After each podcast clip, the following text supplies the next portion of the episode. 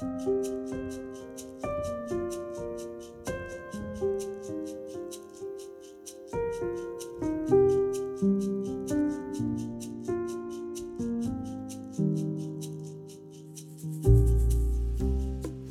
dette til minne om meg, sa Jesus den første gangen. Det gjorde vennene til Jesus. De overleverte. Påskens budskap overlevde. Det kan også overleve oss. Påsketradisjon, hva er det for deg? Ordet tradisjon kommer av det latinske ordet for å overlevere og gi videre noe til neste generasjon dine og mine bidrag til vår kollektive hukommelse.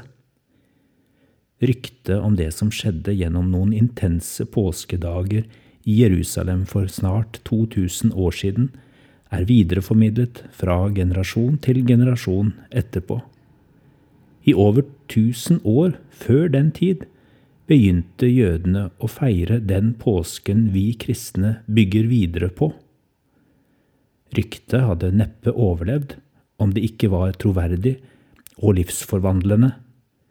Men formidlingsmåten var også avgjørende, for påskefest har siden begynnelsen handlet om å leve seg inn i, gjenoppleve og ta inn hvert intense øyeblikk med alle sanser. Overlever påskehøytiden oss?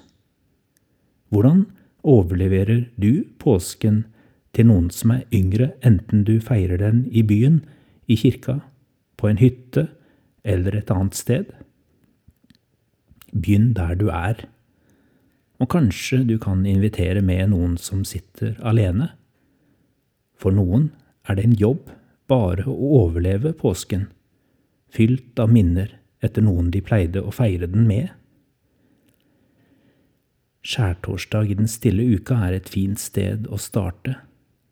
Dette året skal jeg få være med å feire et fullt tradisjonelt påskemåltid rundt langbord i jødisk-kristen tradisjon sammen med en større gruppe av folk fra menigheter i Sandnes.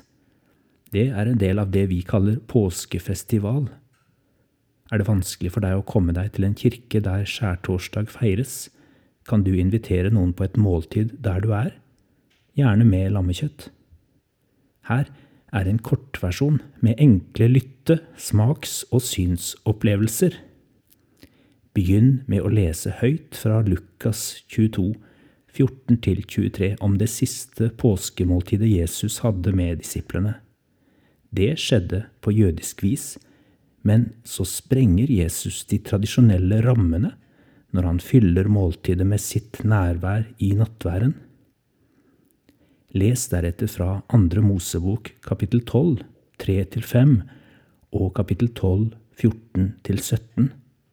Alle får en persillekvast og sier sammen Velsignet være du, Herre vår Gud, universets konge, som skaper alt som vokser på jorda, og som vi får mat fra. Alle dypper persillekvasten i saltvann og spiser den. Du som leder sier, vi dypper persille i saltvann og minnes israelsfolkets tårer i Egypt, og vi minnes smerten Jesus kjente på korset da han døde for oss. Slik israelsfolket gikk gjennom Sivhavet, gikk Jesus gjennom lidelser og dødsrikets dyp til oppstandelsens land. Når vi blir døpt med vann, følger Jesus oss gjennom til sitt gode land. Alle kan også få utdelt en kapteinkjeks eller kanskje en bit av et nanbrød. Det kan minne litt om det usyrede brødet som israelsfolket måtte spise i all hast før de flyktet. Du sier, dette er trengslenes brød, som våre fedre spiste i Egypt, og som Jesus spiste den siste kvelden før han led. La enhver som er sulten, komme og spise og ta del i denne påskefesten. Dette året er vi her. Neste år er vi i den kommende verden, det nye Jerusalem, det gode landet.